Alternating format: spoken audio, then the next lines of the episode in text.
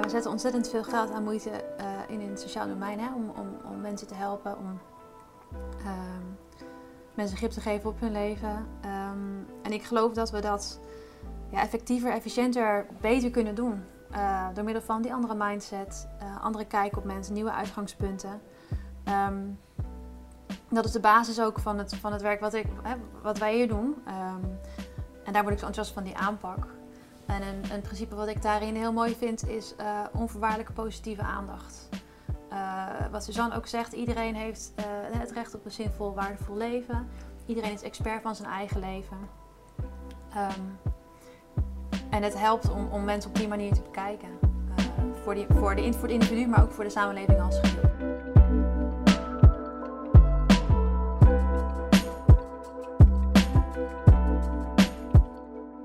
We zitten hier in Den Haag, um, Centraal Station, prachtig kantoorpand met uitzicht over, ik zag aan de ene kant het Mali, de, hoe heet het, Malieveld en aan de andere kant uh, het uitzicht op de rails en uh, wissels en een dak van een station en zo.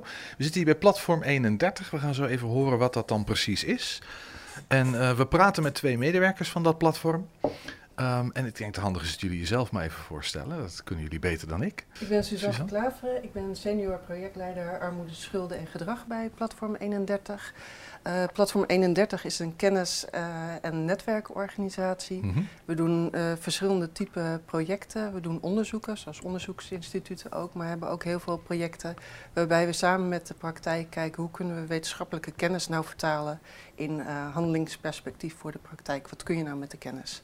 En hoe uh, kun je daarmee beleid verbeteren en ook de praktijk verbeteren. En dat gaat dan over allerlei disciplines. Dat gaat over ja. sociaal domein, over infrastructuur, over ja. whatever. Mobiliteit, ja. de woningmarkt, uh, ruimte en economie. Uh, en dat is het mooie, omdat er heel vaak verbindingen zijn te leggen tussen de verschillende beleidsdomeinen. Mm -hmm. Dus het is mooi dat we al die kennis in huis hebben en die verbindingen kunnen maken. En zo de koppelkans, zoals je dat noemt, uh, kunt pakken. De koppelkans. Koppelkans. Oh, de koppelkans. Ja. Dat is ja. prachtige woorden. Ja. ja. Steek even naar de andere kant van de tafel. Uh. Ja, ik ben Silke van Alphen. Uh, ik werk sinds juni bij Platform 31 als projectleider ook op armoede en schulden en met name mobility mentoring. En wat? Mobility mentoring. Uh, coachingsaanpak uit uh, Amerika overgewaaid naar Nederland. Ja. Uh, in eerste instantie gericht op armoede, maar uiteindelijk ook eigenlijk integrale aanpak. gebaseerd op wat stress doet met mensen en hoe je daar beter mee om kunt gaan, effectiever op in kunt spelen. Ja. ik heb hiervoor twee jaar bij gemeente Rotterdam mobility mentoring geïmplementeerd en ben hier gekomen om dat verder te ontwikkelen. Ik probeer me even voor te stellen wat het in de praktijk betekent. Je vertelde net dat je regelmatig de trein naar Groningen amper haalt om daar om tien uur te zijn of half tien. Ja. Maar dan geef jij een training. Maar wat, wat doe je dan? Wat moet ik me daarbij voorstellen? Um, ja, dat is een tweedaagse training uh, die we met um, mentors doen eigenlijk. Uh, daarin gaan we in op um, de achtergrond, de hersenwetenschap die uh, yeah. de basis is. een andere mindset die daar dan uit voortkomt. En we kijken naar de instrumenten die horen bij de aanpak. Die zijn eigenlijk gericht op het uh, grip geven uh, aan, de, aan de mensen met uh, bijvoorbeeld armoede en schulden. Mm -hmm. um, en wat voor mensen heb jij in die, in die workshops zitten dan? Wat voor... Dat zijn wijkteammedewerkers, werkconsulenten, ja. buddies, vrijwilligers. Ja. Dus ja. echt mensen die met mensen in de armoede Professionals zeggen, in het sociaal domein. Ja, maar jij vertelde net mobility mentoring. Kan je daar iets meer over vertellen wat dat dan precies is? Mobility mentoring is een coachingsaanpak gebaseerd op uh, de hersenwetenschap, de effecten van stress op de hersenen en ons gedrag. Um, en daaruit voortkomt eigenlijk een andere mindset en een andere benadering, een andere kijk op mensen. Uh, maar uh, wat is die andere kijk en die andere benadering? Wat, um, nou, dat je door de effecten van stress eigenlijk minder rationeel, minder verstandig gaat handelen. Mm -hmm. het belemmert bepaalde ja, kernvaardigheden, denkfuncties waardoor je andere keuzes gaat maken. Die op de korte termijn misschien heel rationeel en logisch zijn, maar op de lange termijn eigenlijk veel minder verstandig en minder handig om uit die situatie te komen. Ja. Dus, dus mensen de... die in, in armoede groeien, dat is dan een stressfactor. Ja. Te weinig geld, uh, hoofd boven water moeten houden, ja. met misschien nog andere sociale problemen. En die stress veroorzaakt, uh, of die, die maakt dat je, dat je een aantal vaardigheden minder ja, bijvoorbeeld impulsbeheersing, emotieregulatie, zelfreflectie, time management, organiseren, plannen, prioriteiten stellen. Dat gaat allemaal lastiger, ja. Dat gaat allemaal lastiger. En bij kinderen is dat dan zo dat ze als ze in armoede bijvoorbeeld opgroeien onder die du- langdurige stress, dat ze het minder goed ontwikkelen. Maar ook bij volwassenen kan, kunnen die functies eigenlijk wegvallen Mhm. in zo'n stresssituatie. Ja. En, en jij, jij helpt bijcoaches, eh vrijwilligers, whatever, al die mensen die, Ja. die ehm, bezig zijn met die armoede, mensen die in armoede leven, om op een, op, een andere manier daarnaar te kijken Ja, en daarmee om te gaan. Ja, eigenlijk in een situatie eh, van bijvoorbeeld armoede is het extra moeilijk om eh, ehm, logisch na te denken en om goede beslissingen te maken. Terwijl juist is het dan extra hard nodig. Ja. En we proberen dat om te draaien. Ja. Je ziet daar ook een kentering. Hè? Op een gegeven moment is de WRR, de Wetenschappelijke Raad voor het Regeringsbeleid, met het rapport of het advies Weten is nog geen doen gekomen. Mhm. En daaruit bleek dat ons beleid eigenlijk heel erg gericht is op rationele mensen. Mhm. Die heel verstandige beslissingen maakten. Ja. En wat de Raad toen heeft laten zien is dat mensen dat eigenlijk helemaal niet doen. Nee. Dat ze de- dat doenvermogen niet hebben. Ja. Dus je kunt wel kennis hebben om iets op te lossen. Ja. eh, maar op het moment dat je langdurig onder eh, spanning staat, Ja. of stress hebt, Ja. dan vallen die functies voor een deel weg. Ja. En- en- maar Ja. dat- En dat was een soort van nieuw inzicht. Ja. En Terwijl met, name de vertaling ervan naar de praktijk. hè. Mhm. Ergens hebben we het altijd natuurlijk al geweten. Want we hebben allerlei soorten beleid en we weten dat het niet werkt. Dus dan gaan we nieuw beleid erbij maken. Dus we hebben regelingen dat eh, kindpakketten gebruikt kunnen worden. Ja. Eh, maar op een of andere manier worden die niet gebruikt. Ook niet als mensen er weet van hebben. Ja. En hoe Ja. komt dat dan? Hoe komt dat nou, dan? voor een deel is het om die stap te maken. Om daadwerkelijk dat aan te gaan vragen. Dat, Ja.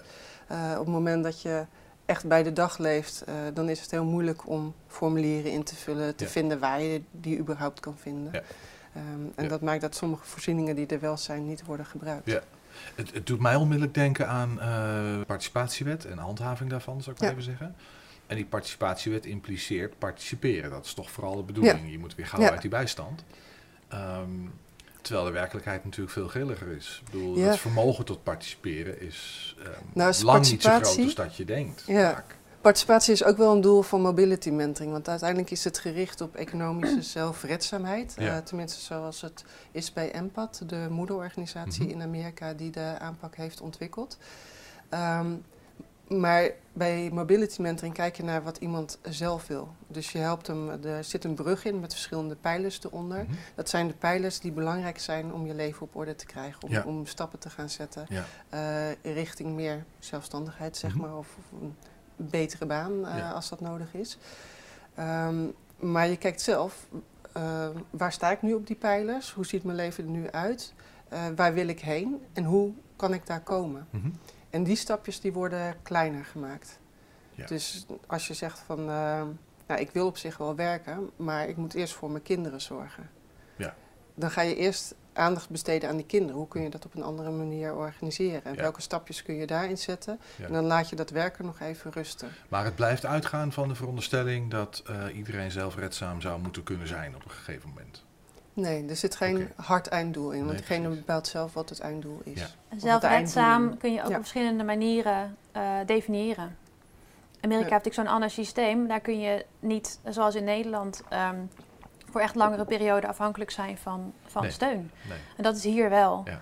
Eh, dus eh, economisch zelfredzaam of zelfredzaam kan ook zijn dat je weet waar je aan moet kloppen.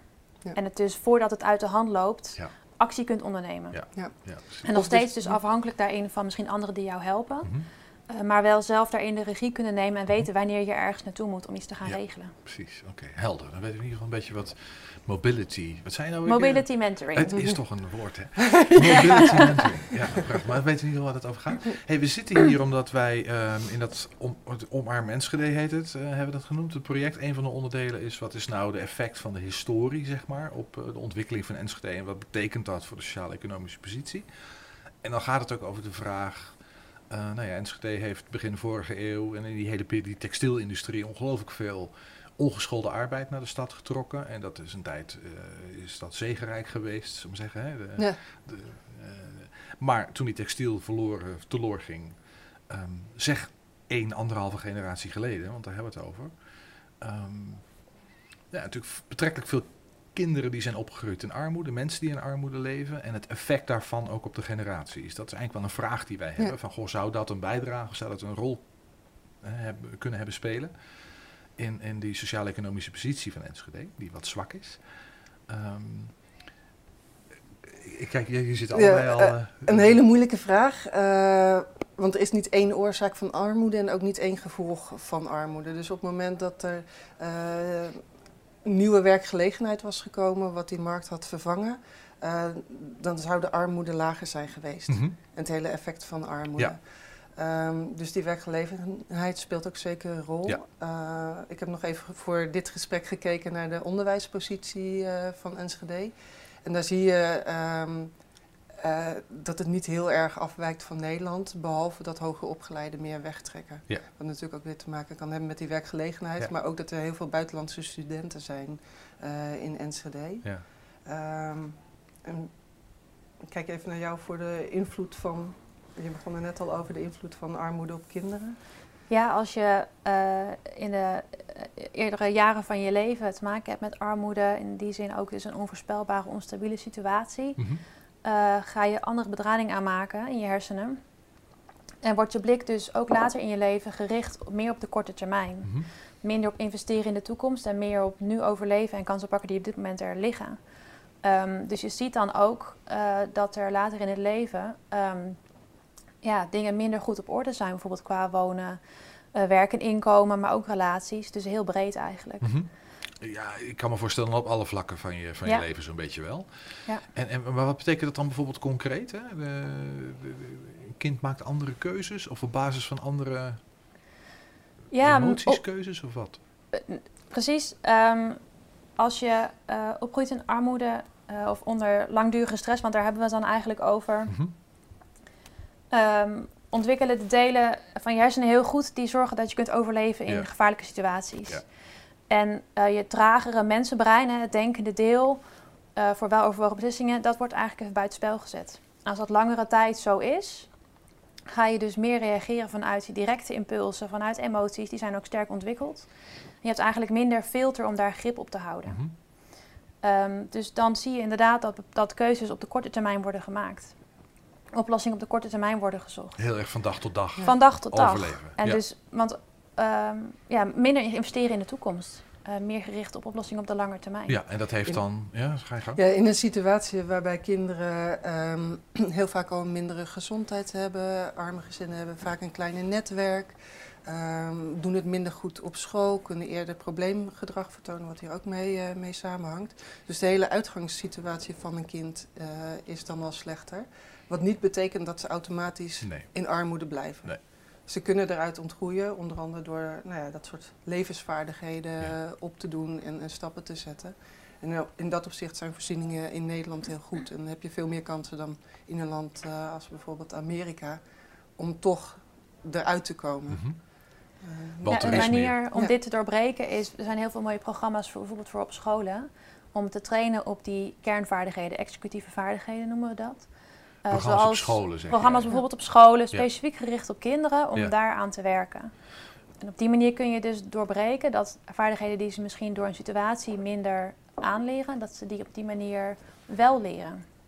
En andere keuzes kunnen maken. Ja, ja ik, ik, ik snap dat het pakket op scholen aanwezig is, maar nou is het onderwijs natuurlijk ook best overbelast. Hè? Dus, dus werkt dat dan ook altijd, zou ik maar even zeggen? Ik bedoel, uh, heet dat niet adaptief onderwijs weer, met zo'n mooie term, maar dat eigenlijk al die kinderen met een rugzakje, zou ik dan maar zeggen, of met iets, dat die soort van hulp maar het zijn ook, Dat zijn ook vaardigheden die je leert tijdens andere lessen.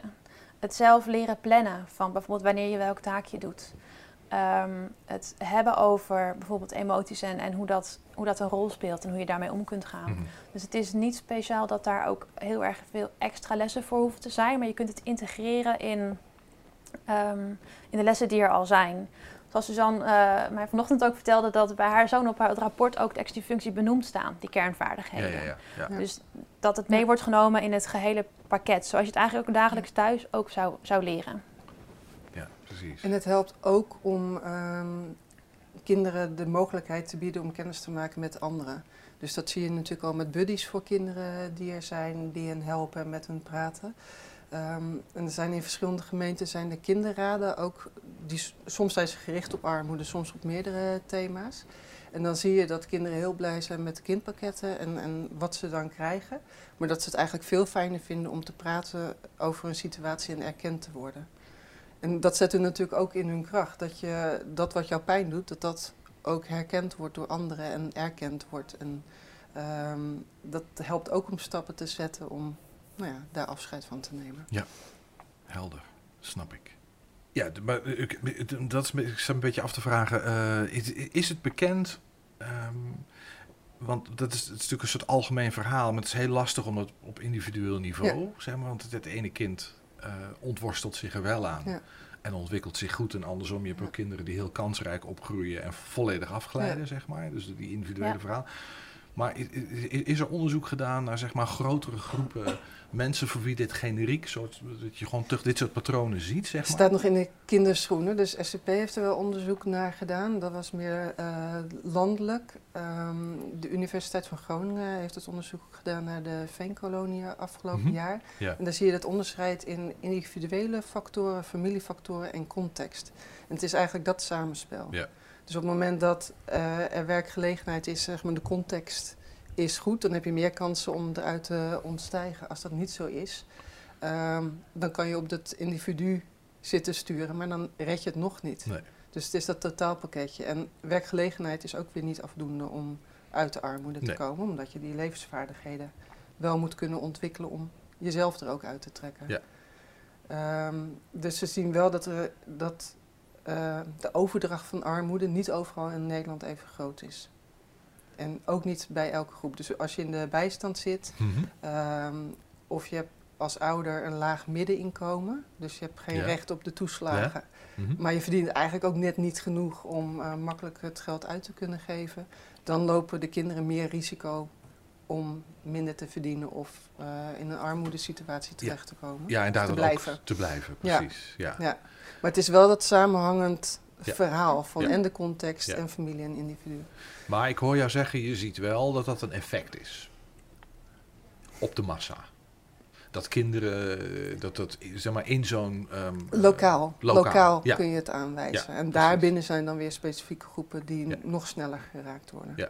Zou je daaruit kunnen concluderen dat als je, dat zal voor Enschede misschien niet per se gedaan zijn, kan ik me zo maar voorstellen. Veenkolonie hebben ze wel gedaan, maar als je vergelijkbaar onderzoek in Enschede zou doen, dat er dan vermoedelijk wel een verband aantoonbaar is tussen nou ja, die grote massa's laag opgeleide textielarbeiders die werkloos werden eh, en kinderen hebben gekregen en dat daarmee zeg maar even de groep mensen die in armoede blijft hangen. Ja, vind ik lastig. Ja, ja, zou ik Ja, zo het is niet goed durven voor te zeggen. stellen, maar ja, dat, ja, dat zou inderdaad een mooi onderzoek maar- zijn. Ja, Ja. sorry, dat zou een mooi onderzoek zijn. Ja. Ja.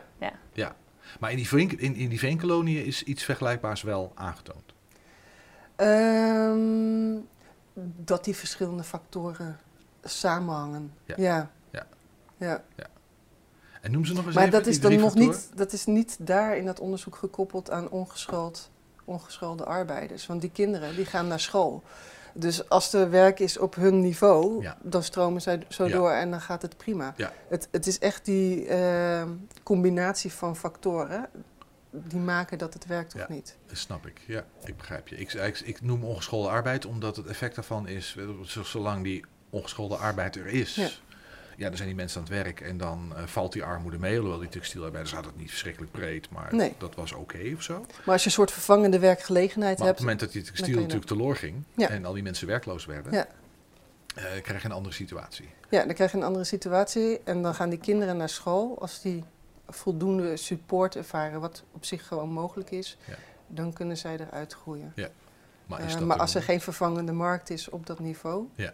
of geen vervangende werkgelegenheid, dan, dan niet. Precies. En die werkgelegenheid is in. eh, En noem nog even die, die, want jij noemde net die drie factoren, noem ze nog eens even voor, voor mijn... Dus de context. Ja? En dat kan ook de afstand tot werk zijn. Hè? Ja. En dan zie je dus in Enschede, zit aan de grens. Ja. Over de grens werken, dan heb je alweer een taalprobleem. Ja. Eh, en er zijn wel verschillende problemen. Dus eh, de context, de familie, in welke omstandigheden Ja. groei je op. Ja. ehm, en het individu, Ja, dus je karaktereigenschappen. De een Ja. is wat opleidingsniveau, et Ja, precies. Ja. En is er iets bekend? Jij had het net even over eh, je bedrading in de hersenen, zal ik maar even zeggen. Ja. Eh, daar moest ik aan denken toen ik hier eh, zelf over nadacht in de voorbereiding. Ik, ik, ik kan me herinneren dat er ooit eens een onderzoek is gedaan naar ehm, mensen die de hongerwinter hebben meegemaakt in de oorlog. En die ergens in hun genetische opmaak, Ja. Een soort armoedegen of een soort hongergen, zal ik maar even zeggen, hadden aangemaakt. En dat Ja. dat, dat in, de, in de kleinkinderen nog zichtbaar was, zeg maar. Dat er zelfs dus biologisch of zo iets in Iets die hersenen... was. Ja. Ja. Is dat in, in dit geval ook zo of, of weten we dat gewoon niet? We hebben geen idee. Oh, dat durf ik niet te zeggen. Nee. Nee. Weet ik ook niet. nee. Dus die eh, bedrading, dat is een heel individueel persoonlijk verhaal. Het is niet per se iets dat je, zeg maar, bijna genetisch of zo overgeeft. Ehm, nou, als je geboren wordt heb je een basisset, heb je, eh, eh, alle hersencellen zijn aanwezig. En vervolgens ga je door ervaringen die je opdoet, daar verbindingen tussen maken. En verbindingen die je vaker gebruikt, die worden sterker. Mhm. Dus voor bepaalde reacties heb je misschien een snelweg of een zesbaansnelweg. En Ja. andere dingen zijn een Dus zandpaadje. die overlevingsverbindingen, zeg maar, als je die Precies, aanmaakt, ja. dan Als- worden die sterk. Dus als je die vaak gebruikt, Mhm. dan eh, ga je ze ook steeds beter en sneller gebruiken. Ja. En dan worden die andere, ja, eh, kies je dus sneller die, die, die reacties die je vaker doet. Ja.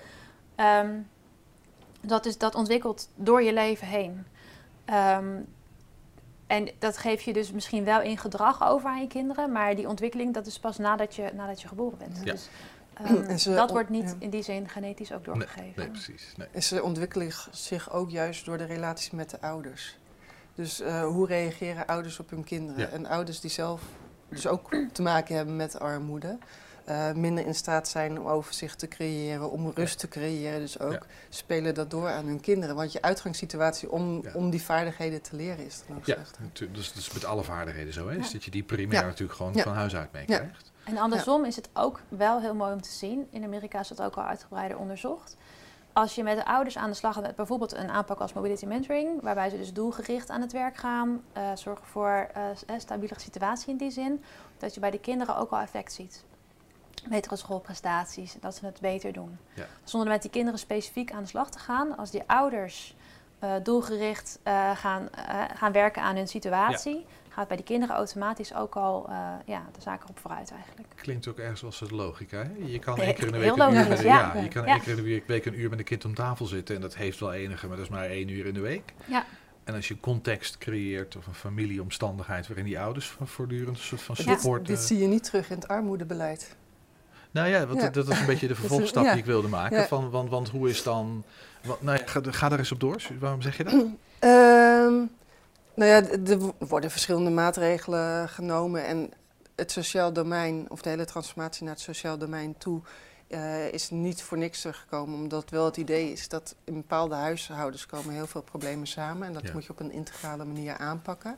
Maar in de praktijk wordt er nog heel veel vanuit allerlei verschillende kolommetjes aangepakt. Nu, En heb je een voorbeeld? Kan je dat dus... eh, Eh, nou, de verbinding tussen werk en inkomen ehm, en, en, en jeugdzorg of eh, voorzieningen vanuit de WMO, die komen vanuit verschillende pijlers. Dus kom- nog steeds komen er wel verschillende mensen over de vloer. Terwijl Die bij ook allemaal hun eigen eh, opdracht als de hoogste prioriteit zien. Ja. Dus er wordt ook vaak nog eens gevochten of nou ja, hè, eh, ehm, is er strijd tussen de verschillende hulpverleners of mensen die over de vloer komen bij zo'n gezin. en het zijn allemaal kokers met hun eigen budget. Ja.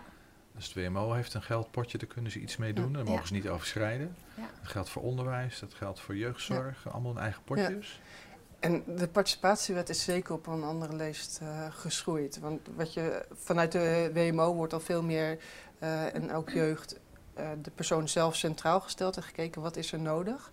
Maar de participatiewet zegt gewoon, je moet brieven schrijven, en je moet dit en je moet dat doen en je moet op tijd komen. En als je dat vaker niet doet, dan is dat een probleem. Mhm. En, En dat, dat kunnen zijn- sommige mensen nou juist niet. Nee, Ja. dat zijn op zich allemaal ook nuttige dingen. Het is wel Ja. beter voor mensen om aan de slag te zijn dan om, om thuis te zitten. Mhm. Maar als je ze op die manier gaat dwingen om het te doen, gaat het voorbij aan autonomie en heeft het juist weer, kan het een tegenovergesteld effect hebben. Namelijk? Ehm, nou, als je je gedwongen voelt, als Ja. je geen autonomie hebt, dan gaan mensen sneller daartegen vechten, voelen ze zich in principe ongelukkiger. Eh, de psychologische ze basisbehoeften. Ja. Ja. Sorry, dat zei jij? Je ziet het sneller terug. Dan hebben ze wel een baan, maar dat is niet de, de omstandigheden thuis zijn er nog niet naar. Eh, het werk is misschien ook niet wat ze leuk vinden, dus dat vraagt heel veel energie. Ja. En Gaat thuis dan- weer slechter? Ja. Dus de duurzame uitstroom bereik je daar niet mee. Nee. En vanuit psychologische basisbehoeften, autonomie, betrokkenheid en competentie. Als je die drie bedient, heb je in principe mensen die in beweging komen en die eh, eh, actief zijn om iets van hun leven te maken. En als je ze bedreigt in die drie, dus als je de autonomie weghaalt en zegt je moet, je moet, je moet, eh, komen mensen minder in beweging, worden ze passiever, eh, minder gelukkig, minder, minder in control, minder grip op hun eigen leven. Ja. En dat is in principe niet de situatie die je wil bereiken. Daar is het niet voor bedoeld. Dus wat zouden we moeten doen? Nou ja, daarin dus, daarin dus meer, eh, ehm, meer ruimte voor, eh, voor, dat, voor het individu. Ehm, het, het basisprincipe van het is beter als iemand aan de slag is of hè, actief is. Die klopt. dat klopt. Ja. Ehm, maar ontneem mensen daarin niet hun autonomie. Eh, dus hè, bedien die drie basisbehoeften. En Dan we- zit- dan noem- zit- noem nog even die drie basisbehoeften, daar ging je net even heel snel ja, overheen. autonomie, Ja? eh, dus zelf keuzes kunnen maken, betrokkenheid. Wat dat een je ander oprecht op jou, in jou geïnteresseerd is. En dat je dus ook verbinding hebt. Dat je Mhm. eh, erbij hoort en dat je verbinding hebt met, Ja. met mensen en dingen om je heen. ja. Eh, en competentie, het gevoel dat je, Dat je iets kunt. dat je iets kunt. Ja. En het gaat bij alle drie om eh, de beleving. En niet per se om de feitelijke autonomie, maar om het gevoel van autonomie, bijvoorbeeld. Ja. Als je die drie kunt bedienen, bijvoorbeeld met je gesprekstechnieken, eh, nou, dan, heb je, dan zitten mensen met een heel andere ervaring in zo'n gesprek. En gaan ze met een heel andere ervaring misschien wel of niet op zoek naar bijvoorbeeld werk. Ja. Dus daar zit een sleutel van harder, eh, harder trekken gaat het gras niet harder groeien. Dat, dat is, ehm, Je moet het keurig water geven en af en toe wat lucht eh, Ja. erin brengen. Ja. En, en autonomie, betrokkenheid en competentie. Bij mensen is dat en dat de geldt- basis. Dat is generiek, dat geldt eigenlijk voor alle mensen. Dat geldt hè? voor alle mensen. Ja. In verschillende maten. Hè? Ja. Misschien is voor jou autonomie belangrijker, voor mij betrokkenheid. Mhm. We hebben allemaal hebben we alle drie die basisbehoeften. Ja. Ja. Waarbij het lastige is dat als je dat wil doen, eh, bijvoorbeeld zo'n aanpak als mobility mentoring, die echt kijkt naar de lange termijn en een duurzame ver- gedragsverandering, dat vraagt een investering aan de voorkant. Mhm. En daar hebben we in Amerika gezien dat eh, de aanpak heel veel positieve resultaten oplevert. En inderdaad leidt tot duurzame veranderingen, Mhm. betere situatie eh, binnen een gezin, maar ook eh, qua werk. Ehm, maar we weten het nog niet in Nederland.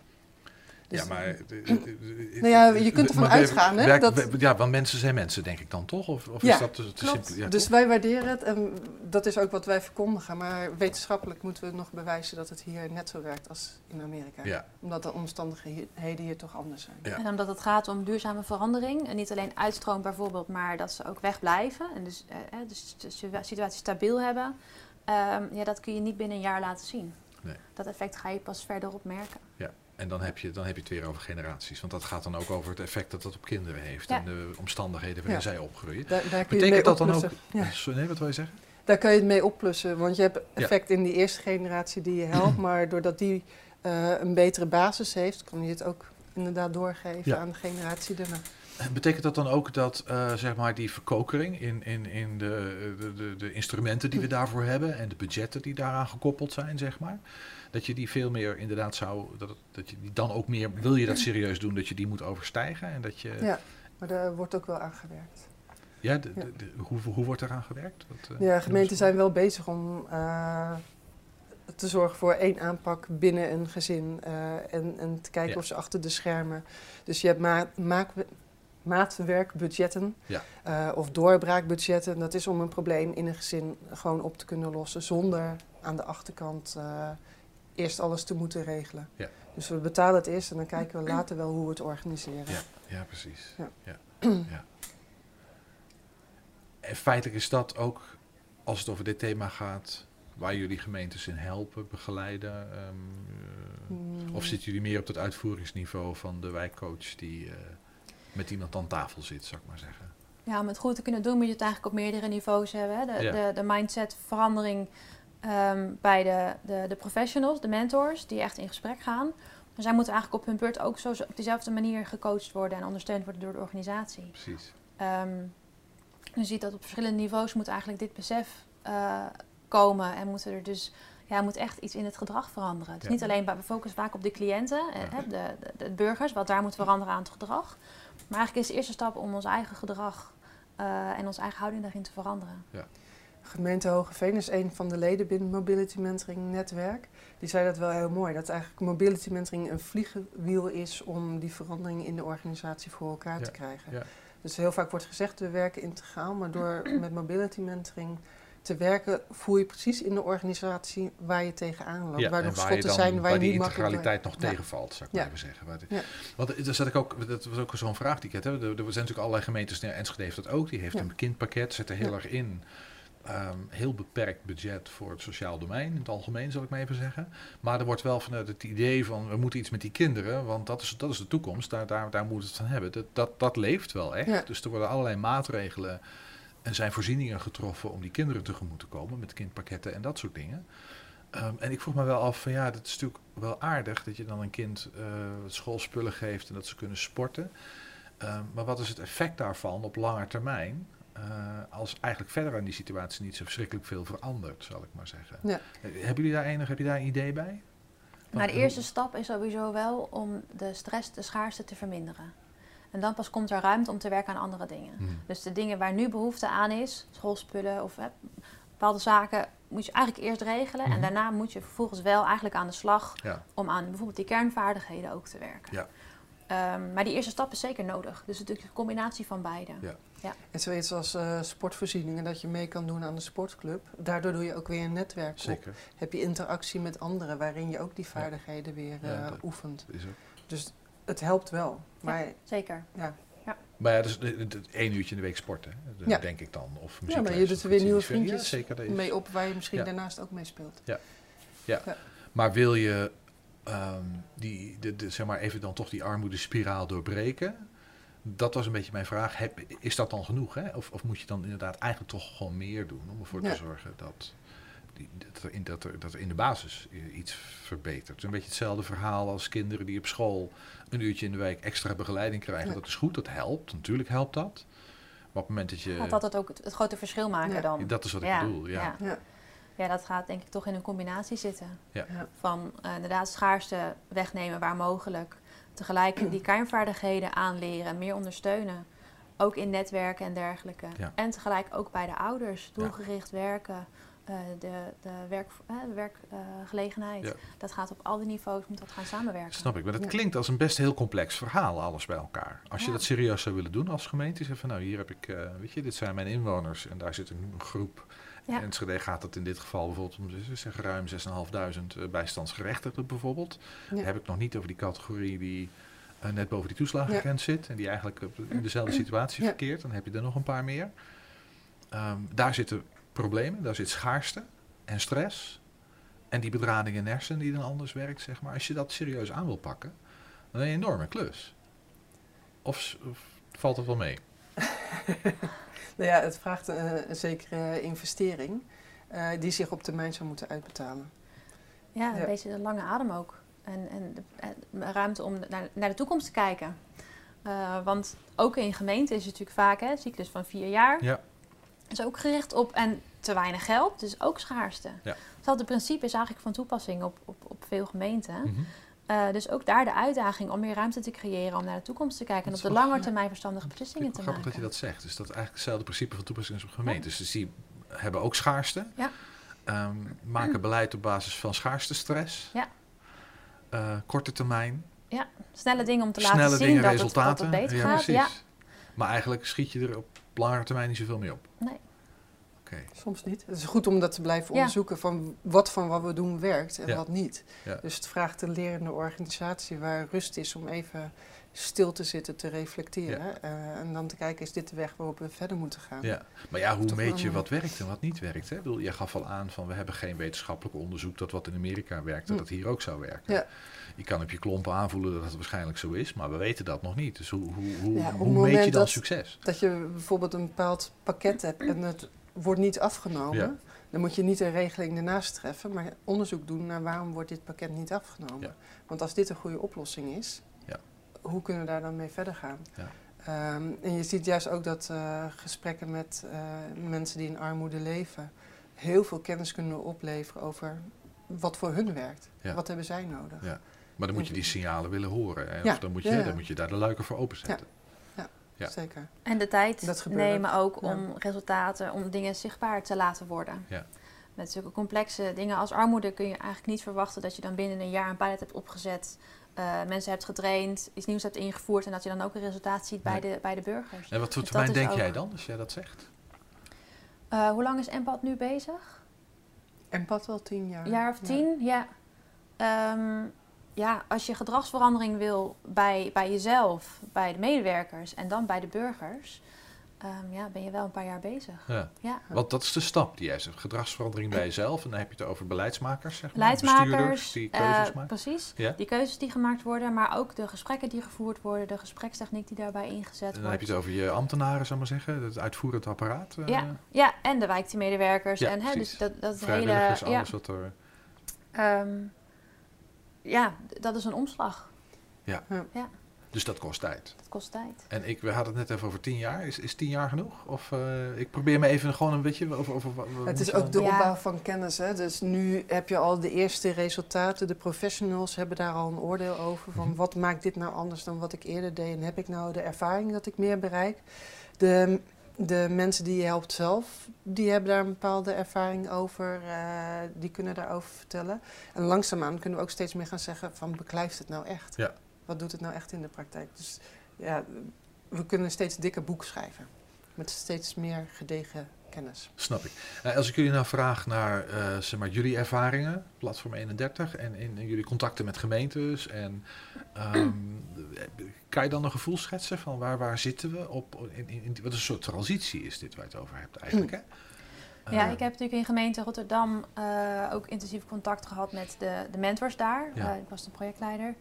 Ehm, en daar heb ik een reactie gekregen van, van de mentors, van, van de, de, de professionals. Dit is waarvoor ik mijn werk heb gekozen. De- deze aanpak geeft mij de ruimte om de gesprekken te voeren die ik wil voeren. En ik zie dat er bij cliënten echt iets verandert. Dat ze inzicht krijgen, dat er een kwartje valt, dat ze in beweging komen. mhm, Dus die eerste ervaringen, individuele ervaringen, die zijn er zeker. mhm. Dat merken we ook in andere Ja. gemeenten. Die verhalen die krijgen we terug. Ja, die heb je dan op alle niveaus. Zowel eh, zeg maar bij beleidsmakers als bij uitvoerders, als bij mensen die, om wie het gaat. Ja, Eigenlijk. zeker. Ja. Eh, maar om daar zo'n hele gemeente in mee te krijgen, Ja, dat is klus. dat is weer veel lastiger. Ja, ja, ja. Ja. Hey, en, en als je het nou hebt over die vraag, hè, we, hadden het hem even over kinderarmoede. We hebben, het, is, het is wel helder dat het eigenlijk veel breder is dan dit. Je Ja. kan niet zeggen, we doen alleen iets met die kinderen. Nee. Maar je moet ook iets met die context Ja. en met, die, eh, met Ja. het gezin eromheen en zo.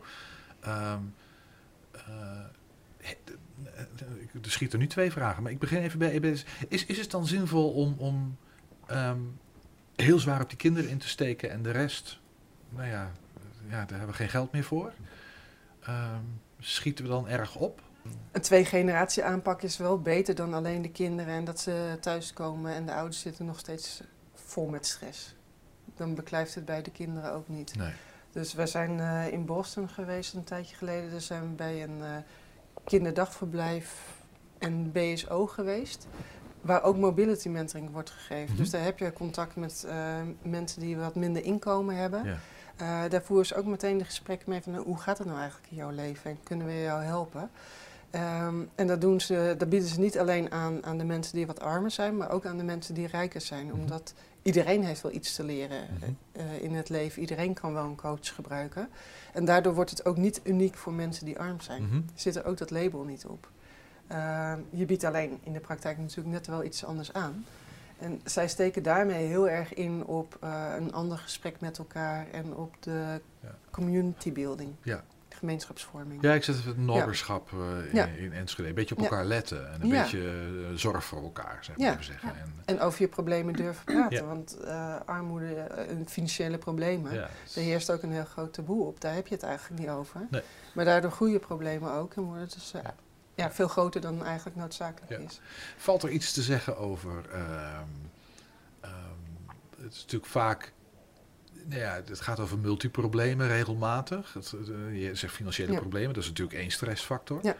Maar wat je vaak ziet is dat het niet alleen over financiële problemen gaat, maar dat er veel meer speelt. Ehm, is dat nou redelijk algemeen, zeg maar, dat dat zo is? Dat het nooit alleen maar over geld gaat, maar eigenlijk toch heel vaak ook wel over andere dingen? Of kan je dat zo niet zeggen? Ja, het hangt natuurlijk wel heel erg met elkaar samen. Eh, Je hebt een groter risico op Je hebt een groter risico op. gezondheidsproblemen. Ja. en eh, in de praktijk, de mentoren die ik spreek, ook in de trainingen, Mhm. eh, die zeggen ja, er spelen eigenlijk altijd meer. Die zien vaak dat er altijd meerdere dingen Ja, spelen. Ja, dus simpel een pot geld opentrekken en eh, weet je, wat geld erin pompen, zou ik maar even gewoon zorgen dat, dat Ja. dan ben je er nog niet. Ehm, nee, wat dan eigenlijk nog wel nodig is, is ook de verbanden leggen.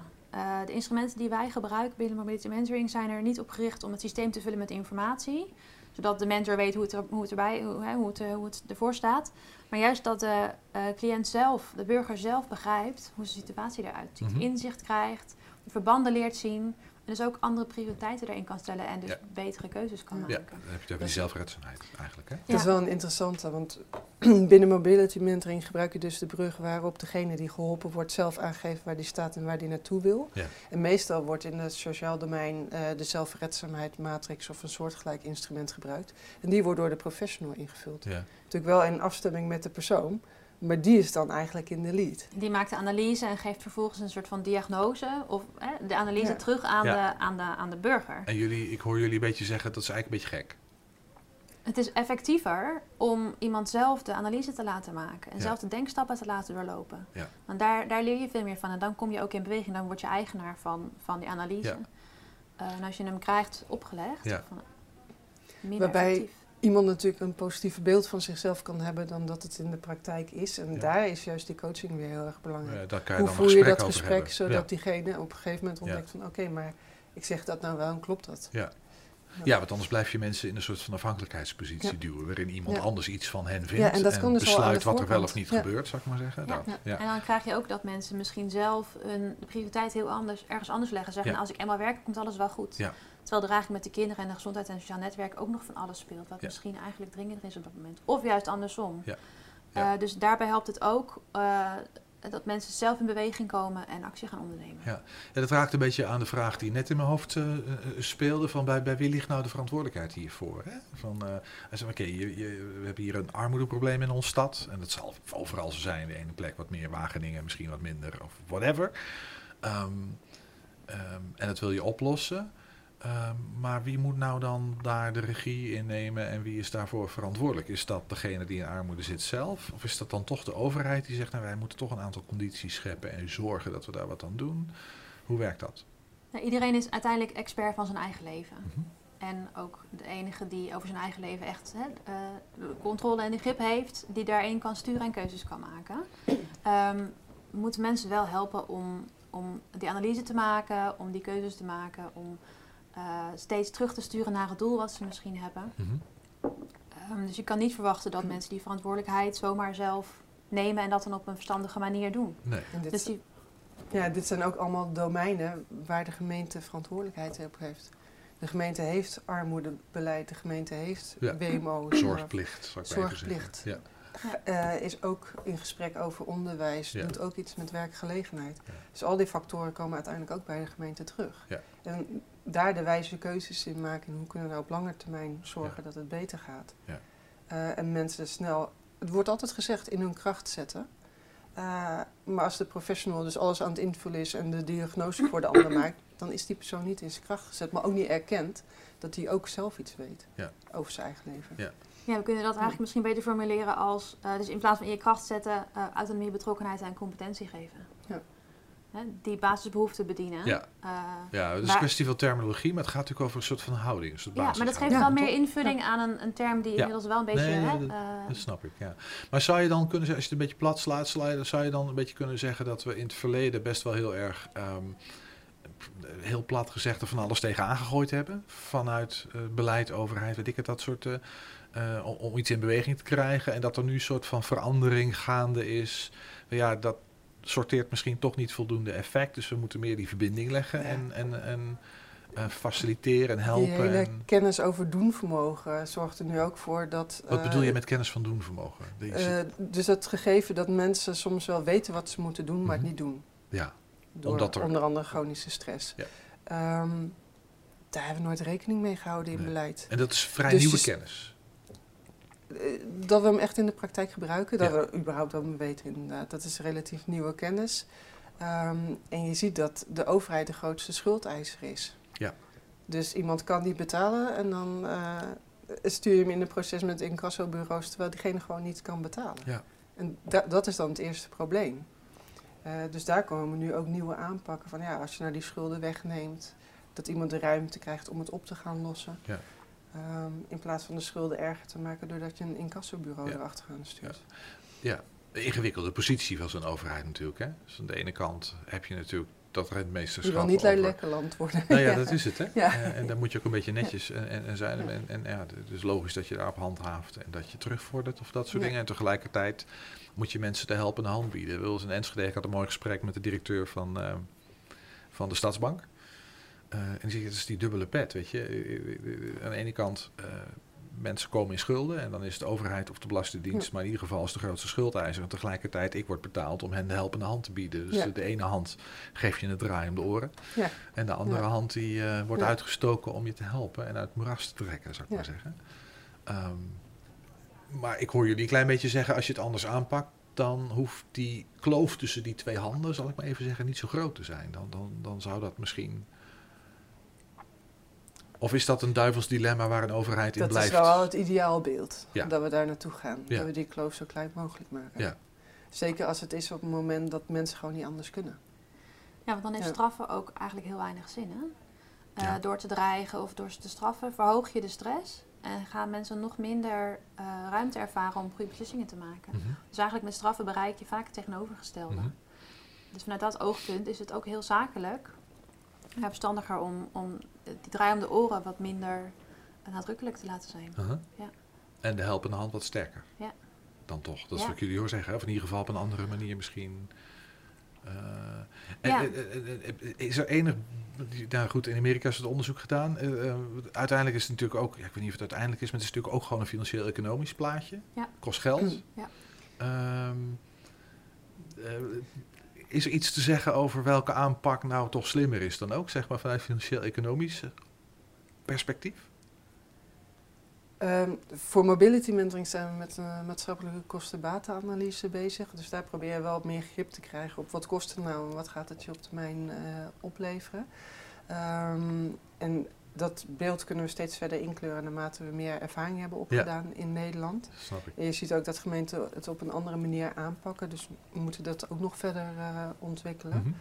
In algemeenheid, ehm, als je mensen inderdaad meer autonomie en betrokkenheid eh, en competenties eh, of rekening daarmee houdt en ruimte voor biedt, dan kunnen zij ook meer zelf oplossen. Dus op langere termijn zou dat goedkoper moeten zijn.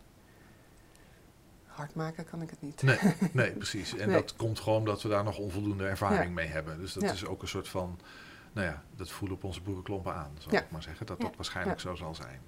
Ja. Ja. Maar nou, ja, ik hoor jullie heel erg zeggen, langer termijn. Dit los je niet in een paar jaar op, maar hier moet je... eh, en ehm, Het hele armoedeprobleem niet in ieder geval. Nee. Op dat niveau niet. Nee. Op gezinsniveau eh, kun je wel stappen zetten. Kunnen we al een heleboel en ja. moet je ook blijven ontwikkelen. Ja. Langetermijn betekent niet dan maar op je gemak en een beetje afwachten. Zijn nu- gemeentes in Nederland hier voorloper in, zeg maar, in dit hele, dit hele denken en, en aanpakken?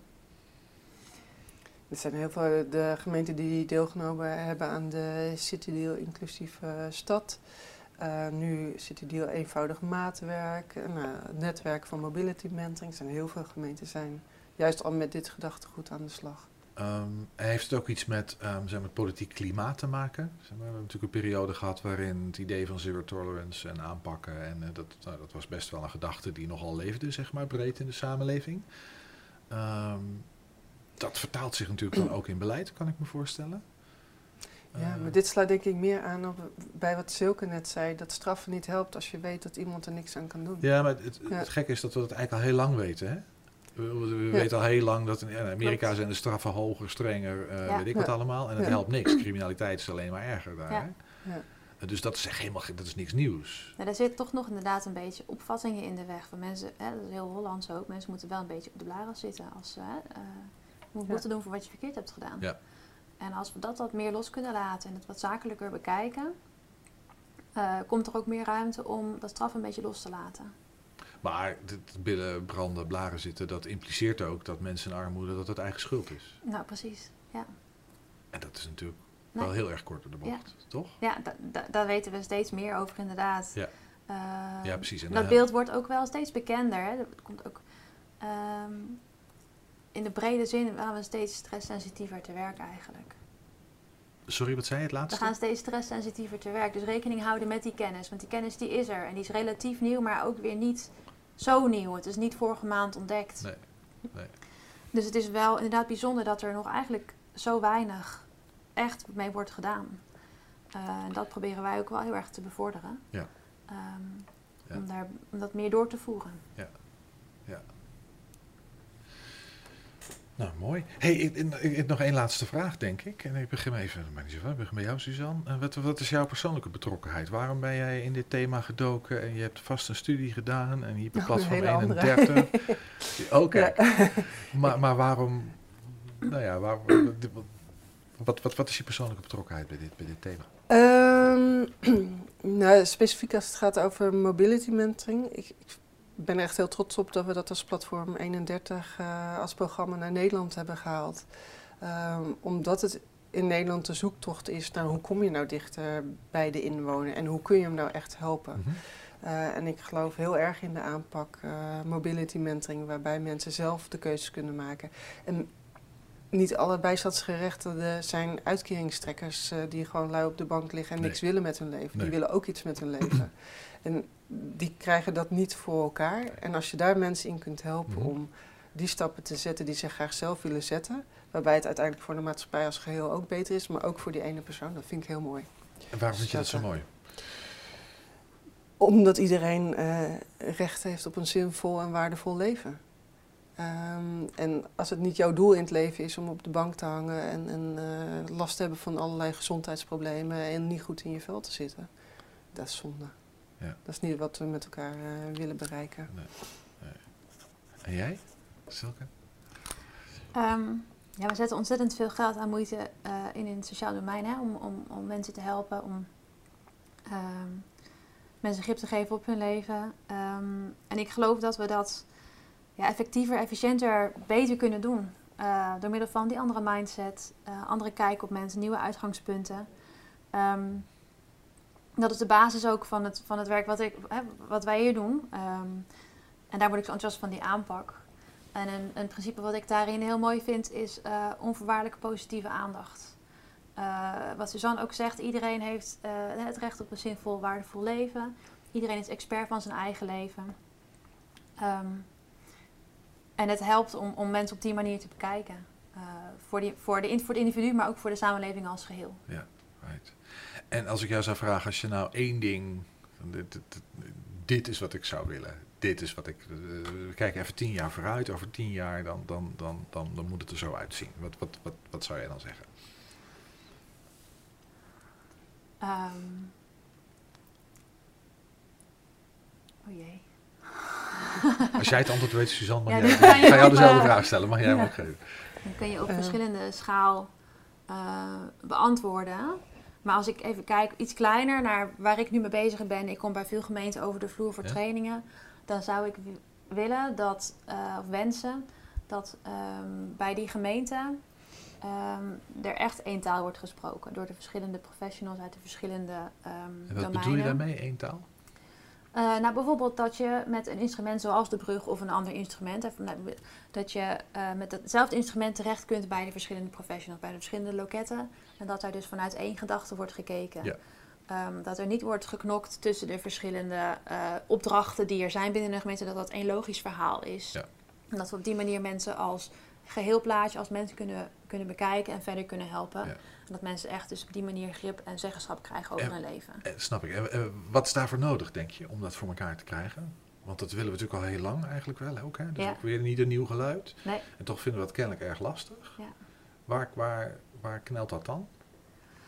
Ehm, nou, dat is denk ik toch nog vanuit de stress van de verschillende afdelingen en de verschillende wethouders en de verschillende partijen die er allemaal belang bij hebben en allemaal een ander belang. Dus Maak je een politiek, hè? Dus stress van, of, of gaat het over Nou geldstress, budgetstress? ja, Wat is precies. Ja, ja, dat denk ik. Ja. dat? Ja, dus meer naar de mens kijken en minder naar politieke belangen en geld. Ehm, ja, misschien kijken hoe we die, hoe we die eh, gemeente uit, uit die stresssituatie kunnen halen. Eh, uit die schaarse situatie kunnen halen. Ja. Ehm, daar meer rust in kunnen bieden om naar de toekomst te kijken. Volgens mij kun je heel lang over het, dat roept mij onmiddellijk de vraag, ja oké, en wat is daar dan voor nodig? Ja, dat is een hele goede vraag. ja, ja, ja. Rijk. Als ik het antwoord had, dan. eh, Ja, ja. Hey, Suzanne, jij? Wat drijft jou op dit moment? Van, ja, dit, dit is wel echt dingetje. hier moeten we wat mee? Ehm, doorgaan op de weg waar we mee bezig zijn. eh, en er met z'n allen gemeenten, maar ook alle partijen die daar omheen hangen. Zorgorganisaties, hulpverleners, corporaties. whatever. Ja, ja, eh, precies. het is een heel breed spectrum. eh, dat we met elkaar eraan werken dat we rekening houden met het gedrag van mensen. En dat als zij niet kunnen, dat we daar dan respect voor hebben en kijken hoe het dan wel kan samen met die mensen. En dat we inderdaad niet mensen afrekenen omdat ze. eh, omdat we denken dat ze niet willen, maar dat het gaat om niet kunnen. Mhm. En dat onderscheid maken is natuurlijk wel een belangrijke. Is dat niet een ontzettend Ja. positief mensbeeld, wat je nou schetst? Ja, maar het is wel fijn om vast te houden. ik denk dat we daar meer me- eh, positieve verwachtingen hebben ook, van denk mensen. ik. Ja, ja dat, dat is de drijf om het werk te doen. Maar ook, eh, eh, ja, mensen hebben een bepaald potentieel. En je wil dat die mensen dat potentieel ook gebruiken. Ja. Daar hebben met z'n allen meer aan en die persoon heeft er zeker meer aan. Ja. Dus, dus hoe eh, doe je dat dan? Ja. En, dat is, ja. en als het er niet is, prima, dan blijf voor de rest van af. Maar om dat gewoon maar, dat goud gewoon te laten liggen, dat zou zonde zijn. Ja. Dank jullie wel.